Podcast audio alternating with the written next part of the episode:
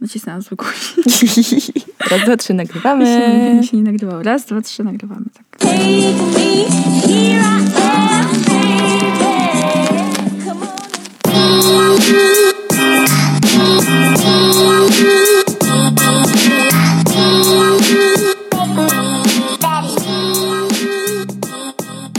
Cześć, jestem Zosia, Cześć, ja jestem Ula. a to jest nasz podcast. Halo, Halo, dziewczyny. dziewczyny. Dzisiaj będziemy rozmawiały o filmach, ale nie po prostu o filmach, tylko o filmach, które znamy i lubimy, albo o filmach, do których często wracamy. I zastanowimy się, jak to jest i dlaczego tak się dzieje, że w ogóle do nich wracamy. Tak, to będzie nasz dzisiejszy temat. Taki lekki na koniec tygodnia pracy. Yy, no dobrze. Usłyszycie to i tak we środę, ale to tak w sumie fakt. A nie, w sumie rzeczywiście masz rację, trochę Albo usłyszycie, usłyszycie to każdego innego, każdego innego dnia tygodnia. Ale to jest w sumie film, to jest taki zawsze przyjemny temat, niezależnie od tego, czy mamy poniedziałek, piątek czy sobotę. Tak, zgadza się.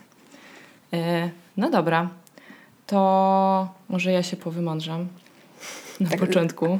Zanim przejdziemy do naszych y, personalnych y, opinii, to zaczęło się takim lekkim rysem teoretycznym przygotowanym przez Zofię. Tak. Także Zofia, take it away. Ja jako osoba, która kocha teorię rzeczy i lubię mm, wiedzieć skąd się coś wzięło i przeczytać o tym. A również trochę dlatego, że pisałam licencjat z filmoznawstwa i chodziłam na semi- seminarium filmoznawcze, dowiedziałam się paru em, ciekawych rzeczy tam. Odgrzebałam sobie trochę tę wiedzę. Więc myśląc o tym, dlaczego oglądamy często e, te same filmy, dlaczego do niektórych e, filmów chcemy wracać, przypomniała mi się teoria kina gatunków, e, którą opisało paru znawców, innymi e, Charles Altman.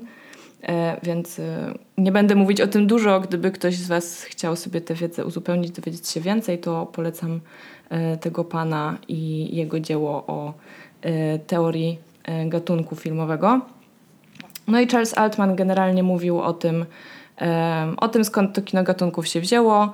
Zasadniczo narodziło się to w Stanach Zjednoczonych i wyróżnił siedem e, cech kina gatunków. E, Ja nie będę przywoływać wszystkich, bo e, jest dosyć rozbudowane, o każdym można byłoby sporo powiedzieć. Natomiast wśród tych cech znalazły się dwie, które wydaje mi się, że są przy tym odcinku istotne, mianowicie powtarzalność i przewidywalność kina gatunków. E, Zasadniczo jest takie powiedzenie, że jak się widziało jeden western, albo jeden musical, albo jedną komedię romantyczną, to jest tak, jak już by się zobaczyło wszystkie. Scenariusz jest mniej więcej ten sam. Generalnie wszyscy raczej wiemy, jak to się skończy, więc tutaj też wchodzi ta przewidywalność. E, Czyli wiadomo, że komedia romantyczna zakończy się tak, że osoby, które poznaliśmy na samym początku filmu, kobietę i mężczyznę, na końcu będą razem, prawdopodobnie wezmą ślub, e, po drodze będzie ileś perypetii jedyne co się zmienia to są te perypetie, to są właśnie szczegóły, a schemat, właściwy scenariusz e, całego filmu pozostaje ten sam. W związku z tym te filmy są bardzo przewidywalne i ta teoria mówi o tym, że chcemy oglądać te same rzeczy, że chcemy oglądać te same filmy, ponieważ y, tak naprawdę my lubimy wiedzieć, jak to się skończy i jest pewien zespół cech danego filmu, danego gatunku, który zaspokaja jakieś nasze potrzeby. I po prostu y, to nas pozostawia w jakiejś strefie komfortu, ale właśnie te zmieniające się szczegóły e, powodują, że film jest ciekawy i wydaje się, że oglądasz coś nowego, nie oglądasz cały czas to samo. Chciałam powiedzieć, że szukałam poczucia bezpieczeństwa po prostu nawet chodząc do kina. Tak, tak jest. e, Według tej teorii. Możecie się oczywiście z nią nie zgadzać. Jest ona ponoć trochę przestarzała. Więc tak, Charles Altman pisał o kinie gatunków e, Stanów Zjednoczonych. W Europie coś podobnego się pojawiło, ale raczej wyróżniamy coś jak kino autorskie. To znaczy, że e, chcemy oglądać filmy konkretnego reżysera, bo on powiedzmy ma jakiś specyficzny sposób montażu albo aktorów, którzy na stałe z nim współpracują. Na przykład, no nie wiem, Wes Anderson, załóżmy. Właściwie w wielu jego filmach pojawiają się ci sami aktorzy. No nie wiem, no po prostu chcemy oglądać e, konkretnie zrobiony film, a nie konkretne historie. Ale też mamy pewne oczekiwania wobec filmu danego reżysera i one najczęściej zostają spełnione. Jak ten reżyser robi coś nowego, to albo to jest super i mówimy, o wow, w ogóle poszerzył po prostu swoje możliwości, a czasem jest to kompletna klapa i mówimy sobie, że lepiej było, żeby robił to, co robił kiedyś, bo to było dobre i po co to zmieniać. Ale to jest bardzo ciekawe, co powiedziałaś, e, zwłaszcza też to na końcu, bo myślę, że to jest bardzo trudne pracować kreatywnie przez wiele, wiele lat, tak jak często robią to reżyserzy czy filmowcy w ogóle i próbować coś zmienić, bo faktycznie twoi widzowie mogą po prostu się od tego odwrócić. Mogą. Wydaje mi się, że jedyną, dla mnie jedynym reżyserem, u którego zauważyłam taką pozytywną zmianę, e, jakby w zmianie mm, nawet gatunku filmowego, jakim się zajmował, to jest Woody Allen, który zawsze kręcił bardzo specyficzne komedie. One w dużej mierze są bardzo do siebie podobne. Sam Woody Allen zawsze gra samego siebie, zawsze gra taką samą postać. Natomiast zdarzyło mu się popełnić kilka filmów o tematyce bardziej kryminalnej. E, I były to bardzo dobre filmy, zaskakująco dobre. E, jak się nazywał ten film ze Scarlett Johansson? Wszystko gra. Matchpoint po angielsku. Nie, wiem. widziałaś tego filmu? Nie, nie widziałam A, tego filmu. Wow, no Dla to mnie- Obejrzyj. Dla- Jest dobry. Dla mnie Woody Allen jest postacią kontrowersyjną ze względu na jego biografię. No okej, jasne. Ja widziałam głównie jego stare filmy, Mhm. ale to nie tylko, że Annie Hall i Annie Hall, bo oczywiście to widział każdy, mam nadzieję, e, ale też Manhattan, Mhm. o którym kiedyś też właśnie pisałam pracę, czy, czy faktycznie takie filmy jeszcze z lat 80. i 90. I Mhm. Z filmów zrobionych po, po roku 90. widziałam bardzo mało Woody'ego Allena. Mm, Ja mam wrażenie, że tych widziałam więcej, paradoksalnie, e, bo ja muszę się bardzo przełamać, żeby obejrzeć jakiś stary film. Czy stary, kurczę, film z lat 80. tak naprawdę nie jest starym filmem, ale Film wydany przed naszym rokiem urodzenia. Tak. Czyli w naszym przypadku w latach 80. tak, dokładnie, bo mnie bardzo często po prostu drażni jakość tych filmów i gra aktorska, która wydaje mi się, em, no nie wiem, no jak to powiedzieć, zła po prostu, bo nie odpowiada temu, co ja znam. E, to też tak w sumie w temacie e, chęci przeżywania w kółko tego samego i pewnych oczekiwań, które się ma wobec filmu. No, film stary często tych oczekiwań może nie spełnić, jeżeli oglądasz głównie filmy nowe. To prawda, to prawda. Ja, ja miałam tak przez bardzo długi czas, że nie oglądałam żadnych starych filmów. Oglądałam tylko filmy, które wchodziły do kina albo były kilka lat po wydaniu. Mhm. I nie oglądałam w ogóle filmów, no wiadomo, że nie, niemych z lat 20., 30., ale nawet nie oglądałam właśnie filmów z lat 60., 70., 80., Mhm. na których jednak wszyscy ci reżyserowie, którzy tworzą teraz, w jakiś sposób się wzorowali. Tak. I kiedy powoli, powolutku sobie te filmy odkrywam, od kilku lat, kiedy na to zwracam uwagę, to faktycznie nie wszystko mi podchodzi. Zgadzam się z tobą, że czasami to jest tak czerstwe, że po prostu nie jestem w stanie tego obejrzeć do końca. Ale są takie perełki, są takie filmy, które są faktycznie, w których jestem w stanie zrozumieć, dlaczego trafiły do jakiegoś kanonu Mhm. filmowego, bo są naprawdę absolutnie ponadczasowe. No jasne, taki mini off-topic, akurat filmy, których ja nie jestem w stanie oglądać, mimo że powinnam, pewnie każdy Polak powinien je obejrzeć, czyli jakieś takie kultowe polskie filmy. E, straszliwie ciężko jest mi to oglądać, bo drażni mnie gra aktorska. Szczególnie postaci kobiece są po prostu, dla nich są napisane jakieś takie role, z którymi ja się w ogóle nie mogę pogodzić i na pewno nie we wszystkich filmach tak jest. Nie jestem żadnym ekspertem ani jakimś super e, kinomanem. Natomiast e, mega, mega mnie drażni gra aktorska w tych filmach i bardzo mnie drażni w polskich filmach ich fatalne udźwiękowienie. No ale nie musimy skupiać się na narzekaniu. Ja też nie oglądam za dużo polskich filmów. Też mam do nich. Myślę, że też podchodzę do nich bardziej krytycznie często niż do filmów, które oglądam po angielsku, bo po prostu po polsku, jak coś zrobisz źle, to to dużo gorzej brzmi. Tak, dla, dla nas brzmi po prostu tak, dla nas dużo brzmi po gorzej. prostu dużo gorzej. Ale jeszcze na chwilę wracając do Alena, przypomniałaś mi film, o którym nie myślałam chyba przez, nie wiem, jakieś 8 lat. E, Alen chyba w 2009 roku, coś tak jakby, wypuścił film, który nazywa się Whatever Works. Nie wiem, jak był przetłumaczony po Mhm, polsku. tak. Na pewno był zamordowany po polsku ten tytuł tego filmu. Mm, Ale Był. co nas kręci, co nas podnieca. Jezu, Mam wrażenie, tak. że to jest to. O Jezus, Tak. to najgorszy tytuł po prostu. Nawet nie pamiętam, dlaczego poszłam na ten film do kina. Nie pamiętam absolutnie, z kim poszłam na ten film do kina. Pamiętam, że w tym filmie główną rolę gra Larry David. mhm. Jest starszym aktorem, jest starszą, starszym facetem. I niesamowicie narzeka, co do tematu narzekania. Niesamowicie w tym filmie narzeka. I pamiętam, że ten film mi się bardzo podobał, kiedy wyszłam z kina. Będę musiała do niego wrócić, bo jestem ciekawa, czy... Co z tego zostało w sumie? Mm, nie, mi, mi się ten film też podobał, ale chyba jak obejrzałam go po raz drugi, to już mi się podobał e, dużo mniej. No i właśnie, chcemy pogadać o filmach, które widziałyśmy więcej niż raz. Także przechodzimy po prostu do punktu głównego programu dzisiejszego odcinka. E, więc Ula, ja bym chciała Tobie zadać pytanie. Jakie to są filmy, które widziałaś więcej niż raz? I dlaczego właściwie widziałaś je więcej niż raz? Jest całkiem sporo tych filmów. I taka notka wprowadzająca. Jestem osobą, która akurat kataloguje filmy, które oglądam. Mm. Przydało lat. się to bardzo, kiedy przygotowywałyśmy się do tego odcinka. Tak, zdecydowanie. Ja od jakichś 6 czy 7 lat po prostu spisuję wszystkie filmy, jakie oglądam. I pod koniec roku, 31 grudnia, zapisuję, ile filmów widziałam na przykład w kinie, a ile widziałam po raz drugi lub więcej. No nie przedłużając, y, film, który oglądam bardzo, bardzo często, a w sumie filmy, które oglądam bardzo często, to jest y, trylogia Oceans. Daniego Oceana. Też mam zapisane. Ale wiecie, najlepsze jest to, szybko tylko powiem, że nie skonsultowałyśmy ze sobą tych filmów. Ale świetnie. Y, I nawet obejrzałam te filmy w styczniu tego roku. Po prostu. Ja uwielbiam odpalić sobie ten film, zwłaszcza jedynkę i dwójkę, trójkę dużo mniej. Tak, zgadzam się. I po prostu totalnie, totalnie uwielbiam te filmy. Ja się przy nich świetnie bawię, mimo że doskonale wiem, co się właśnie wydarzy. Cała ta powtarzalność jest absolutnie pewna w tym wypadku. Pamiętam doskonale, może nie każdy szczegół, ale na pewno pamiętam wszystkie elementy fabuły. Mhm. Nie szkodzi, ja przy tym filmie zawsze się cieszę, jak go oglądam. Ja mam tak samo. Najbardziej przy pierwszej części. Tak. Wiadomo. Chociaż ja przy drugiej, jak, jak wchodzi ten Toulouse, Aha. Jak wchodzi The Fox, to ja też ja bardzo lubię tego aktora i w ogóle bardzo lubię tą całą sekwencję, jak oni próbują prześcignąć się, kto jest mądrzejszy, a, a na końcu jest ten twist, że jeżeli nie oglądaliście filmu, to jest wasza wina, bo ten film ma bardzo wiele lat. Tak. Ale I leci często w telewizji, także I na końcu jest ten twist, że oni w sumie jakby ta cała gra była, była płonna, bo oni oszukali go na samym początku.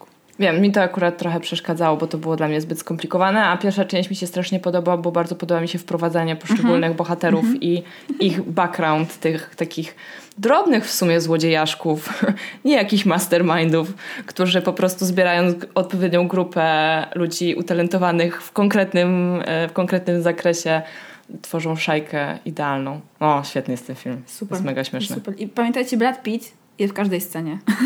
Tak, prawie zwróćcie na to scenie. uwagę. To jest, jest, jest świetne. Ale tak, w ogóle ten klimat Las Vegas. Ja też bardzo pamiętam, że mm, akurat miałam tą okazję parę lat temu być w Las Vegas i totalnie zrobiłam sobie taki tour po prostu po Bellagio i przed tą fontanną, taki jak jest w tym filmie, bo już byłam sama, nie miałam 10 towarzyszy i, i tak dalej, to bardzo, bardzo mi się to podobało. Totalnie czułam tą adrenalinę jeszcze tam po prostu będąc w Vegas. Ale niestety żaden bank nie został, ża- ża- żadne kasyno nie zostało obrabowane w trakcie mojego pobytu, więc... Może i dobrze. Zosia, a jaki jest taki film, który tobie przed na pierwszym miejscu takiej listy? Znaczy pierwszy film, jaki przychodzi mi do głowy, taki, który widziałam więcej niż raz i często mam ochotę go obejrzeć, to jest Darjeeling Limited Mhm. Wes Andersona. Polski tytuł Pociąg do Darjeeling. Próbowałam przemyśleć to, dlaczego ten film lubię oglądać i dlaczego oglądam go raz na jakiś czas. I odkryłam podczas tych przemyśleń, że jeżeli w ogóle oglądam jakiś film częściej niż raz, to dlatego, że za każdym razem oglądając go dostrzegam inną rzecz albo mam zupełnie inne refleksje po nim. No i ma to związek pewnie z sytuacją życiową, którą się, której się obecnie e, znajduję, albo z tym, jaki mam humor. Ten sam film może mi się wydawać super depresyjny albo super podnoszący na duchu. Wszystko zależy właśnie od tego, jak się czuję. Na przykład takim filmem jest e, 500 dni miłości, 500 Days of Summer, e, który w zależności od tego, kiedy oglądam, to in, zupełnie inne wnioski z niego wyciągam. E, no i Darjeeling Limited jest właśnie też takim filmem. Poza tym, że w ogóle bardzo lubię Wesa Andersona, uwielbiam jego estetykę, lubię aktorów, którzy z nim współpracują. E, I lubię to, że często te filmy się kręcą wokół tematów e, rodzinnych, e, bo jestem z dużej rodziny i generalnie rodzina jako taka komórka społeczna mnie fascynuje, intryguje i interesują mnie Masz, geni- rodziny. masz genialny klan po prostu w domu. Oczywiście, że tak. Oczywiście, że tak. Na szczęście mój ojciec nie jest jak Royal. Cześć, tato. Jak mówiłaś o, tych, e, o tym filmie, ja miałam dwie refleksje. Pierwsza jest taka właśnie, że faktycznie ja mam taki jeden film, który oglądam za każdym razem i za każdym razem przy oglądaniu myślę o czymś innym albo odbieram go inaczej. U mnie ten film to jest Zakochany bez pamięci. O, no. Eternal Sunshine of the Spotless Mind to jest chyba taki jeden z moich ulubionych filmów wszechczasów. Mhm. I naprawdę, mimo że on wyszedł z 15 lat temu, Już? tak, jesteśmy, Zosia, Dobra. jesteśmy, stajemy się coraz starsze. Okej. Ale mimo, że na przykład z 15 lat temu to... Nie wiem, obejrzałam go powiedzmy 8 razy na przestrzeni tych 15 Mhm. lat. Ostatni raz obejrzałam go rok temu. Płakałam jak bób. Po prostu. Mimo, że wiedziałaś, jak on Mimo, się że- kończy. Mimo, że wiedziałam jakby jak on się kończy, wiedziałam wszystko, wiedziałam co się dzieje, wiedziałam jakby jak postać Joela, jak postać Clementine po prostu, gdzie się spotykają, a gdzie nie, to obejrzałam go w tak jakby, w, ta, w tak delikatnym momencie mojego Mhm. życia, że niesamowicie jeszcze bardziej po prostu wbił we mnie sztylet i przekręcił. ale w pozytywnym tego słowa znaczeniu. Właśnie chciałam. Bardzo brutalnym, ale pozytywnym tego Chciałam słowa się znaczeniu. upewnić, że jednak pozytywnie. No dobra, no to to są filmy, które po prostu lubimy i one do nas przemawiają i rozwijają nas, ale są też filmy, które oglądamy bez jakichś ambicji. to może pogadajmy chwilę o tym. Cóż to by było? U mnie są dwa takie filmy. Y, Jeden to w sumie seria filmów, ale to jest zwłaszcza pierwsza odsłona tej serii, czyli Pitch Perfect. O matko, wiem co to jest. To nie no. jest dobry film, wiem, że go Nie lubisz. Nie, nie wiem, czy go nie Mam lubię. wrażenie, że kiedyś o tym rozmawiałyśmy. Mam wrażenie, że, A, że, widziałam że tylko nie- pierwszą część. Ja po prostu lubię filmy, gdzie ludzie śpiewają. Ja sama nie umiem śpiewać, dlatego być może po prostu szczególnym szacunkiem darzę filmy, gdzie reżyser e, postanowił podjąć ten śmiały krok i zmusić swoich aktorów do śpiewania. Ten film mm, w dużym skrócie polega na tym, że jest uniwersytet i jest, uwaga, uwaga, klub grupy a cappella. E, Nawet są dwa kluby a cappella na terenie tego samego kampusu, będą ze sobą konkurowały w nagrodach a cappella. Tak, jakby to nie ma absolutnie żadnego sensu. Nie wierzę, że na jakimkolwiek kampusie po prostu jest tyle ludzi, którzy chcą śpiewać bez podkładu muzycznego i bez instrumentów. I jeszcze są po prostu do tego y, międzyszkolne y, krajowe mistrzostwa. Co jest akurat fajne, bo w kolejnych odsłonach y, twórcy tego filmu idą jeszcze dalej. Po prostu są światowe konkursy a cappella, więc jakby Wow. jakiekolwiek granice po prostu y, prawdopodobieństwa zostają tak naciągnięte. ale absolutnie mi to nie przeszkadza. To jest taki film, który jest trochę, dla, jest trochę wstydliwy, bo nie jest dobry, ale, ale lubię go oglądać. A nawet czasami jak nie chcę go obejrzeć, to po prostu puszczam sobie parę scen na YouTubie. Znaczy przede mną nie musisz się wstydzić, bo ja jako również osoba, która kompletnie nie umie śpiewać, em, lubię filmy, w których ludzie śpiewają, e, a jak byłam młodsza, byłam gigantyczną fanką musicali. Zresztą, znaczy wydaje mi się, że formuła musicali już się kompletnie mm, skończyła i potwierdził to dla mnie La La Land, który mi się absolutnie nie podobał. Jakby w tej formie musical moim zdaniem jest już martwy. Nie powinien istnieć. Ale te sentymentalne, stare musicale, gdzie ludzie naprawdę mm, idą przez miasto, śpiewają, są dla mnie tak poetyckie, że och. Także ja też lubię takie filmy. Akurat ten mi się nie podobał, bo nie podobał mi się w ogóle jego klimat. Ale wiesz, ja też lubię bardzo filmy o tańcu. Widziałam Step Up wiele razy. Ja z kolei się nie wciągnęłam. Kocham filmy o tańcu. Każdy ma takie filmy, więc ja się przyznam do swojego guilty pleasure filmu. I w sumie jest to też film o śpiewaniu w pewnym sensie. Mianowicie jest to Freaky Friday. Ej, w ogóle Freaky Friday zostało nakręcone na podstawie jakiegoś horroru. To jest sequel, nie sequel, Boże, jak to się nazywa? To jest remake. Remake, dokładnie. Ach, Więc to jest remake horroru em, i film jest o tym, jak e, kłócący się matka i córka e, za sprawą e, wróżby z chińskiego ciasteczka, jakiegoś zaklęcia na nie rzuconego, na jeden dzień zamieniają się ciałami. Czyli matka budzi się w ciele swojej 16-letniej córki, a córka w ciele swojej pod 50 pewnie, 40 parę coś takiego. e, lat matki. No i co? No i w związku z tym, iż to się dzieje w piątek, polski tytuł genialny, zakręcony piątek. E, jest to raczej film dla nastolatek. Mm, Jest dużo roka, jest dużo perypetii, takich żartów może nie bardzo śmiesznych i na wysokim poziomie, ale ja ten film strasznie lubię. Też się przy nim dobrze bawię. Ale są też e, inne dobre filmy, które mogę oglądać często. Z tym, że raczej nigdy nie oglądam ich do końca. E, I nazywam to filmami śniadaniowymi, bo mogę to włączyć do śniadania w sobotę i wyłączyć bez żalu, kiedy już skończę jeść jajecznicę. I takim filmem jest Pulp Fiction. I jeszcze on tym bardziej jest takim filmem, że po pierwsze kojarzy mi się z tym, jak byłam w gimnazjum na początku liceum i ja i wielu moich znajomych mieliśmy fazę na Quentina Tarantino i często po imprezach rano właśnie do kawy, jajecznicy włączaliśmy sobie ten film. Znam ten film na pamięć, e, więc raczej jak go oglądam, to też recytuję sobie po prostu pod nosem dialogi i sprawia mi to gigantyczną satysfakcję, że to wszystko już pamiętam. No tak, a ten film jeszcze jest świetny soundtrack. Ale w sumie dobrze zaczyna się śniadaniem, bo gdyby zaczynał się jakąś inną sceną, to mogłoby się w sumie trochę gorzej oglądać do śniadania. Na pewno, na pewno. Ale właśnie jest od początku klimat amerykańskiej jadłodajni i tłustego śniadania o godzinie mm, wczesnej chyba. Tak, tak wyglądało. Nieważne zresztą. Ważne, że był napad. Tak jest. E, co jeszcze oglądamy częściej Jest- niż raz? Jest taki film, który oglądamy częściej niż raz, ale nie częściej niż raz do roku. Tak. Ten film nazywa się Love Actually. Myślę, że nie jesteśmy jedynymi osobami, które oglądają go raz do roku. Myślę, że jest bardzo wiele takich osób, pewnie też wśród was, bo to jest najlepszy film na święta. Tak. Taki można jakby... Rozumiem, szanuję Kevina, ale jakby sorry, to Kevin nie ma szans. Nie ma Kevin szans. nie startuje w ogóle w tej samej kategorii co Love Actually. Sorry, Sorry, Kevin. możecie o tym podyskutować z nami, ale będziemy bronić do upadłego. Będziemy bronić Love Actually do upadłego. Będę do końca bronić tych wszystkich śmiesznych perypetii, bo to jest bardzo rodzinny film. Tam Tak. są wszystkie po prostu super różne sytuacje. Kompletnie innych ludzi, którzy jednak jakoś się ze sobą zbiegają w tej wspólnej przestrzeni.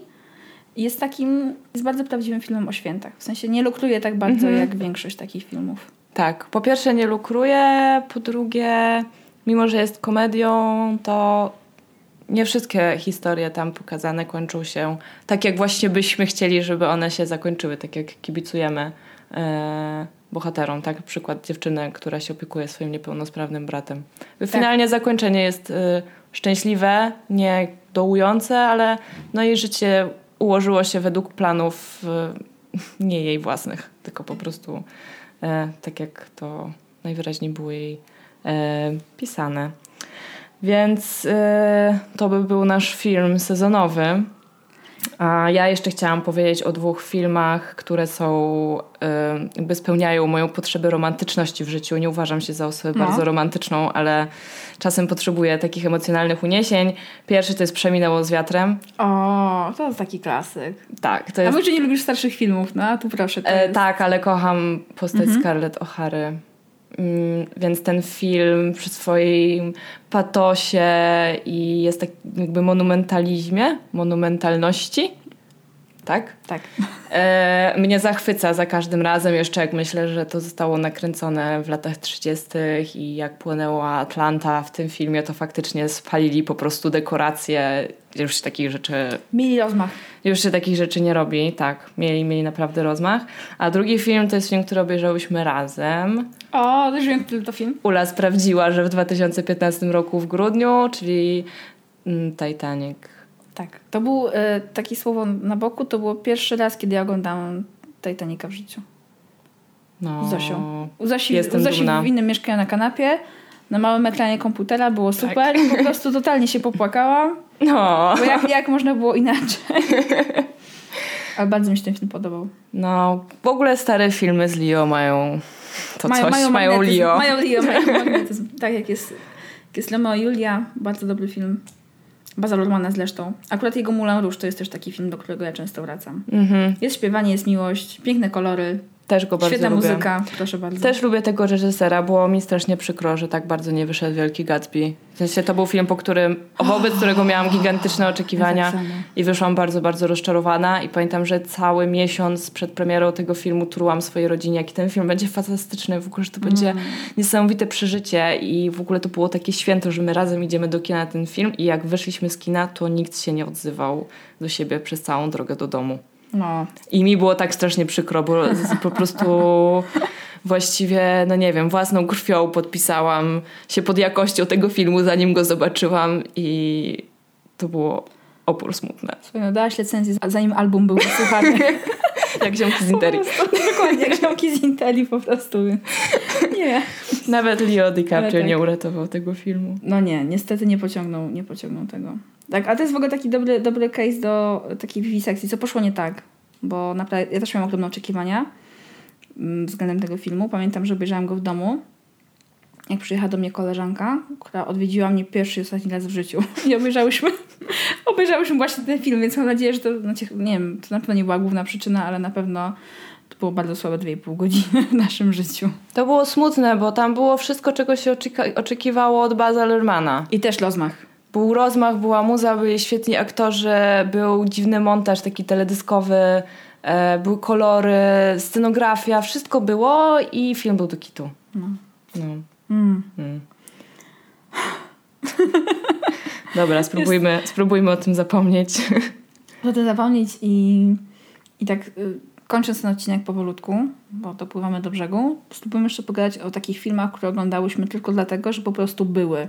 Tak. Bo y, był taki okres w naszym, w moim i w twoim życiu, że po prostu nie było takiego dostępu do filmów, jaki jest teraz. I ja miałam takie dwa filmy, które po prostu oglądałam w kółko, bo były u mnie w domu, dokładnie u mnie na komputerze, po wizycie w domu mojego kolegi. E, Żeby było śmiesznie, obydwa te filmy były sequelami. Mhm. Jeden był bardzo wysokich lotów, bo to była Władca Pierścieni, Mhm. Dwie wieże. Film, Mhm. który znam absolutnie na pamięć i absolutnie go uwielbiam. A drugi film to też był sequel, który wyszedł w podobnym czasie, czyli Matrix Reaktywacja. Już nie tak wysokich lotów sequel, do którego ja jednak mam niesamowity sentyment. Mm. I oglądam je w kółko tylko dlatego, że po prostu miałam je na komputerze. Nie miałam nic lepszego do oglądania. No to ja w ten sposób oglądałam Moulin Rouge na komputerze, ale była jeszcze era przed komputerem, czyli VHS-y. Mhm. I wiadomo było, że nie każdy film kupujesz, więc e, były też wyprawy do wypożyczalni wideo. Natomiast część filmów się miało w domu. I ja oglądałam w kółko jako jedenastolatka Grease, to tak a propos musicali, e, gdzie pierwszy raz zobaczyłam młodego Johna Travolta i w ogóle się wtedy zakochałam w musicalach i zaczęłam oglądać ich więcej, ale żaden nie przebił dla mnie fenomenu Grease i atrakcyjność tego filmu po prostu 10 na 10. Wiesz, tą aktorkę zaszywali w spodniach, że była w stanie tańczyć? Wiem, oglądałam potem wszystkie making of, wywiady, robiłam w internecie quizy z wiedzy o filmie i wiem wszystko na temat tego filmu. Czuję, że musimy zaraz po nagraniu po prostu ja chyba wpiszę w internecie jakiś quiz wiedzy o Glis. O, teraz już mogłoby być ciężko, ale okej, Ale okej, spróbuję, wyzwanie, przy, przyjmuję to wyzwanie. Zróbmy to.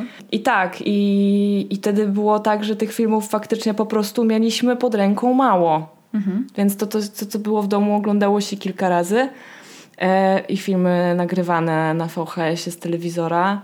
Najgorzej, jak się zepsuł timer i okazywało się, że wcale się nie nagrał twój film, tylko coś zupełnie innego. Wiadomości. Wi- wiadomości to jeszcze, jak cię mogę. Ale na przykład komedia z Jimem Carreyem, której absolutnie nie chciałaś oglądać.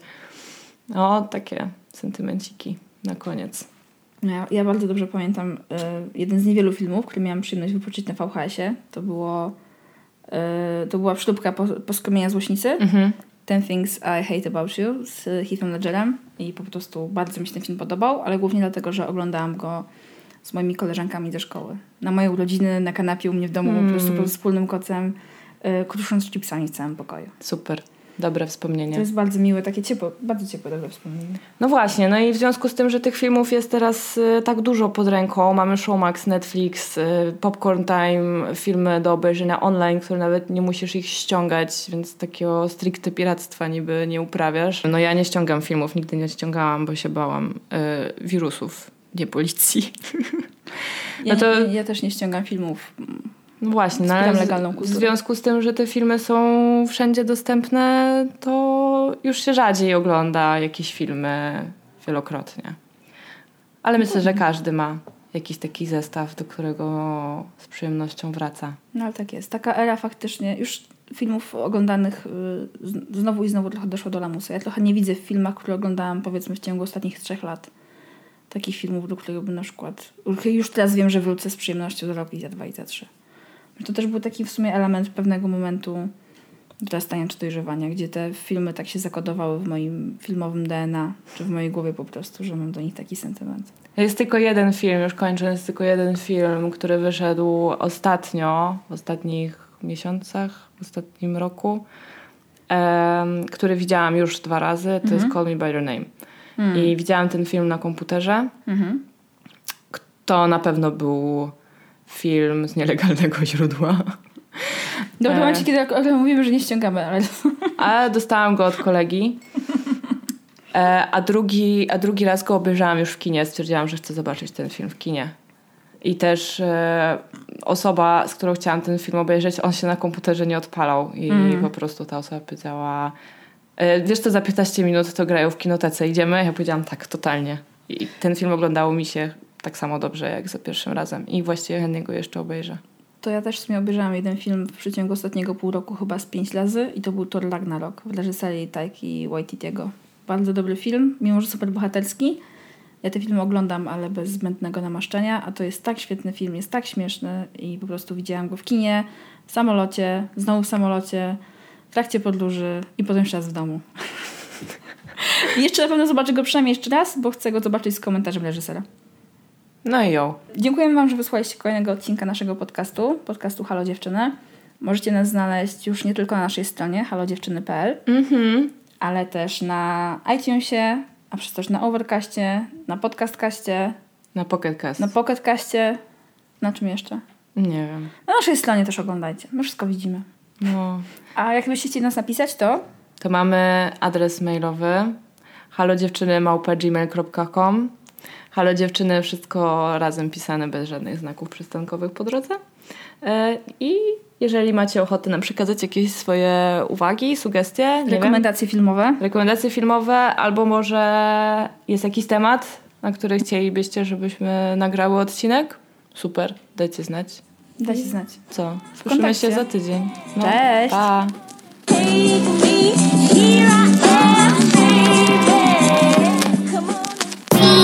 you.